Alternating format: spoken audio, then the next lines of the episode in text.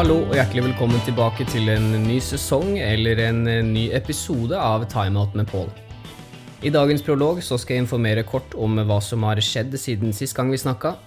Hvilke forventninger kan vi ha denne gangen? Hva er det Timeout ønsker å oppnå? Hva er det som kan forventes i episodene framover? Og ikke minst, hva er det jeg ønsker at du som lytter skal sitte igjen med av inntrykk av verktøy etter hver endt episode? Så da var vi endelig i gang igjen, og jeg er full av motivasjon.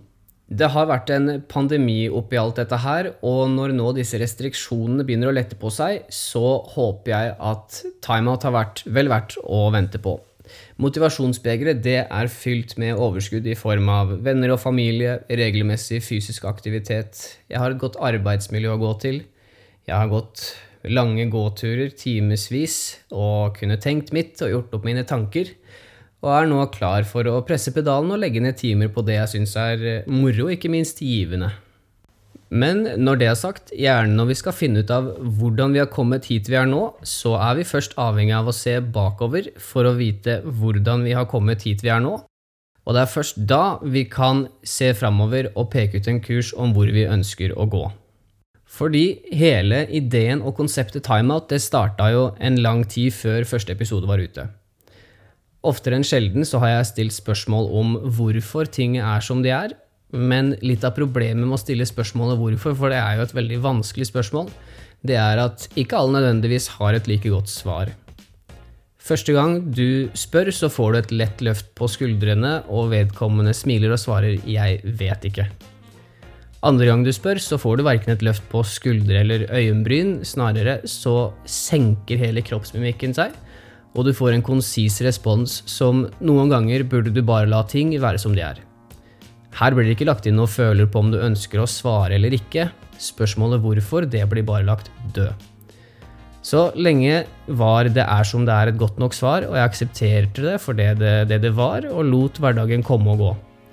Slik gikk jeg, som jeg kan kalle det, sparka småstein langs veien, før jeg en dag for et par år tilbake ble kjent med et nytt bekjentskap.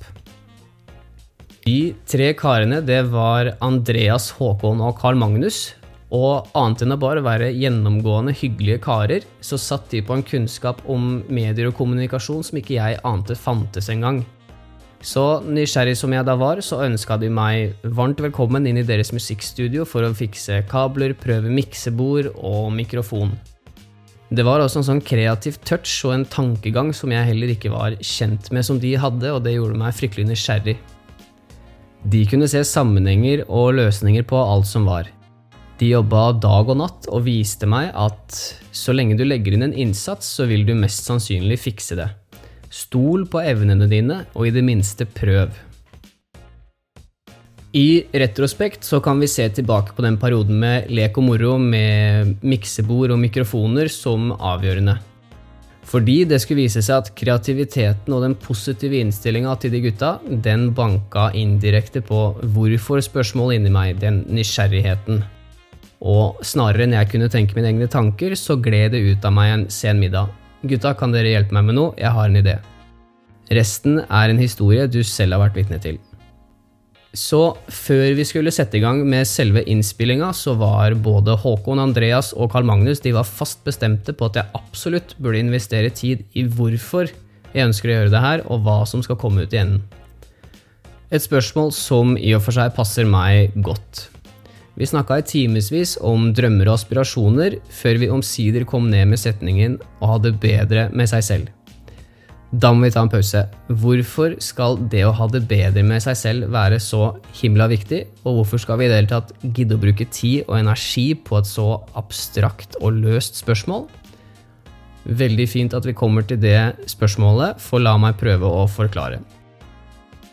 Fordi det har seg slik Gjerne meg som flere andre, jeg vet ikke om det er mange, men det å være engstelig og usikker på andres tanker og ord, det er ikke så ukjent for de aller fleste. Vi mennesker vi er nemlig, om ikke mestere, så er vi ekstremt flinke til å henge oss opp i negative ting. Det er ikke sånn at vi er dårlige på å ha det bra eller oppleve positive tanker og følelser og erfaringer men snarere så viser det seg at vi kan ha problemer med å fordøye det negative. Eksempelvis er at du kan ha en flott dag på jobb, sola skinner og både du og kollegaene dine dere er i strålende humør. Hjemmelaget vant, sola skinner og du har en avslappende lunsjpause med forholdsvis lette arbeidsmengder. Men du møter kø på vei hjem. Inni ditt hode, mens du sakte innser at du nærmer deg en stopp, så tenker du nedlatende. Jeg hater kø. Kø igjen. Det her skjer hver gang. Jeg hater kø. Det er så mange dårlige sjåfører der ute at jeg blir kvalm. Jeg hater kø. Og vips, så har dagen din i løpet av fem minutter gått fra å være solfylt og avslappende til faen, det her er dårlig og hat. Hyggeligere blir det heller ikke når du vrir om nøkkelen hjemme, og du fortsetter dagen med ikke en solfylt dag og takknemligheten over at du har en jobb å gå til, men det faktum at du mer enn noe annet hater kø.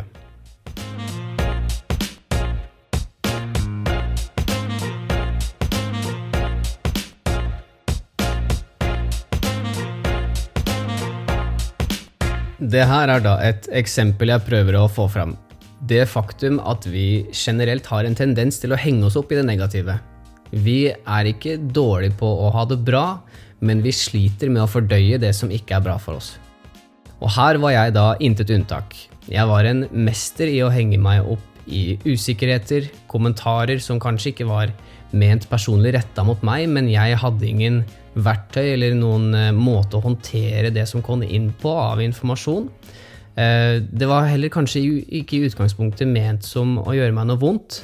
Allikevel så klarte jeg å oppleve mange av disse tingene som muligens mye tyngre og mye mer negativt enn det det opprinnelig var ment. Men med tida til hjelp så har jeg tenkt mine tanker om at de ordene og hendelsene kanskje ikke var så, så ille allikevel. Fordi uten de erfaringene å se meg selv mindre verdig, mindre flink, mindre alt, så hadde jeg heller ikke kommet til det tidspunktet hvor jeg endelig kunne se meg selv i speilet med en vond metthetsfølelse og si 'nå er det nok'. La oss på det tidspunktet her spole tilbake til spørsmålet å ha det bedre med seg selv. Hvorfor skulle det spørsmålene bli avgjørende og grunnlaget for at timeout ble til i første omgang? Som en forlengelse av å ha det bedre med seg selv, så kommer vi fram til vi ønsker å positivt påvirke ungdom til å kunne mestre hverdagen på en bedre måte. Fordi jeg mener at i den følelsesrike og tidvis usikre perioden hvor vi vokser som mest, og de erfaringene du gjør deg i den perioden har en innvirkning i hvordan du tenker og hva du gjør senere i livet, jo, da anser jeg deg som høyst meningsfullt ta timeout som en potensielt nyttig kanal for et menneske som føler seg mindre verdig, mindre flink, mindre alt, og som akkurat har sett seg selv i speilet med en guffen metthetsfølelse og sier 'nå er det nok'. Og det er jo derfor timeout er til. En plattform hvor de som undrer på hva de skal gjøre for å endre situasjonen, kan finne råd til å bedre det her, som de for akt ønsker å gjøre noe med.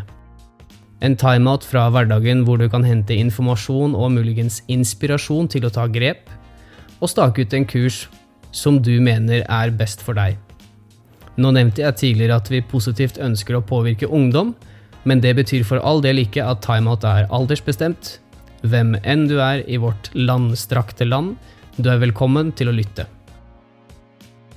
Hittil har episodene vært basert på intervjuer av mennesker med ulike erfaringer og opplevelser, og jeg er utrolig takknemlig, altså utrolig takknemlig for den lærdommen det har gitt meg. Eh, det høres kanskje ut som x antall episoder for dere, men for meg så er jo dette her timer hvor jeg har sittet og sett dyktige mennesker i øya og høre deres historie om hvordan de har fått til noe, og det har vært utrolig inspirerende. Ikke bare stemmer ordene 'legg inn en innsats, så går det mest sannsynlig bra', men det å lytte til hvordan andre har fått det til, og høre engasjementet deres for en kjernesak, det var så inspirerende og bærer frukter i at jeg ønsker å ta med meg timeout videre, denne gangen med en liten twist. Når vi nå går inn i en ny fase, så ønsker jeg at produktet du skal sitte igjen med, er bedre enn hva det var sist. Episoder hvor jeg snakker med mennesker som har kunnskap og gode erfaringer å dele, vil fortsatt være en del av programmet. Samtidig vil det også, spesielt i begynnelsen, være monologer hvor det kun er meg, hvor jeg i detalj skal prøve å presentere disse verktøyene som kan virke positive i hvordan vi kan ha det bedre. Mestringstro, positiv indre dialog, spenningsregulering, flow, målsetninger, motivasjon. Lista den er lang, og jeg gleder meg til å prøve å formidle det til dere. Det er allikevel én faktor som spiller en vesentlig rolle i det her, fordi når sant skal sies, så er ikke Timeout en vitenskapelig podkast hvor jeg systematisk bruker et virkemiddel for å gjennomføre en skann eller screening av det som blir presentert. Dette er fagstoff som jeg har komprimert opp gjennom åra inn i enkeltepisoder, og kan for all del inneholde feilinformasjon, eller at jeg bruker fagstoff fra situasjoner som er annerledes enn hva selve forskningen sier. Den tidligere veilederen min hadde sikkert revet av seg håret om at jeg skal grave i en så kortfatta påstand som å ha det bedre med seg selv. Da kan vi nøye oss med at det her ikke er forskning, det er snarere raskest mulig vei for å nå ut til deg, med informasjon som skal presenteres med et menneskelig håndtrykk med hensikt om å påvirke, ikke bare informere. Ta det i betraktning hvis du skulle være i tvil, og kontakt meg hvis jeg bommer skikkelig.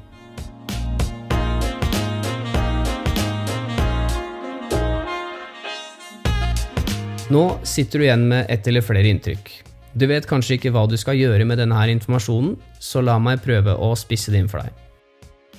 Timeout det er en podkast som etter beste evne skal prøve å formidle hva forskningen sier om mentale ressurser. Verktøy som kan hjelpe deg i situasjoner i nød, og et sted hvor du kan hente inspirasjon til å sette deg nye mål som du nyter å jobbe med.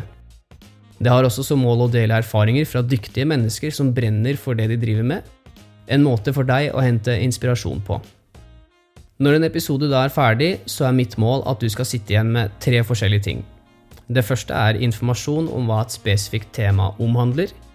Det andre er hvorfor temaet er viktig, eller hvilken nytte du kan ha av den informasjonen som blir presentert. Det tredje er da hvordan du selv kan benytte deg av disse ressursene, for å stå sterkere i de situasjonene som gir deg sommerfugler i magen. Timeout har som et mål å virke som en kanal som kan fylle opp din mentale verktøykasse, og hvis vi klarer det, så anser jeg det hele som en stor suksess. Snakker da om sommerfugler i magen, det er jo noe jeg så til de grader kjenner på selv. Jeg skal nå fortsette med å blottlegge meg for verden om hva jeg liker og syns er viktig, ting jeg synes er essensielt for at vi skal ha det bra, og det, det, er en veldig rar følelse og kommer med en stor dose ydmykhet. For litt i tråd som jeg nevnte i starten, hva om jeg bare snakker tull? Hva om det jeg sier ikke henger sammen? Tenk om ingen vil høre på? Og hvem er jeg til å belære andre om de temaene her? Det er tunge og skremmende spørsmål, og det, er, det kommer som sagt med en god dose ydmykhet.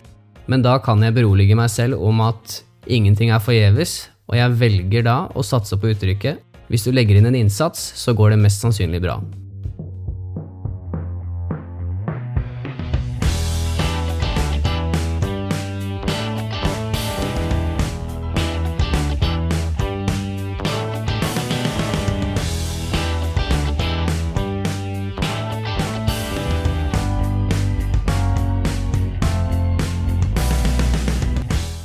Jeg håper du fant den prologen her som nyttig, oversiktlig, at du nå vet hva du kan forvente å høre framover.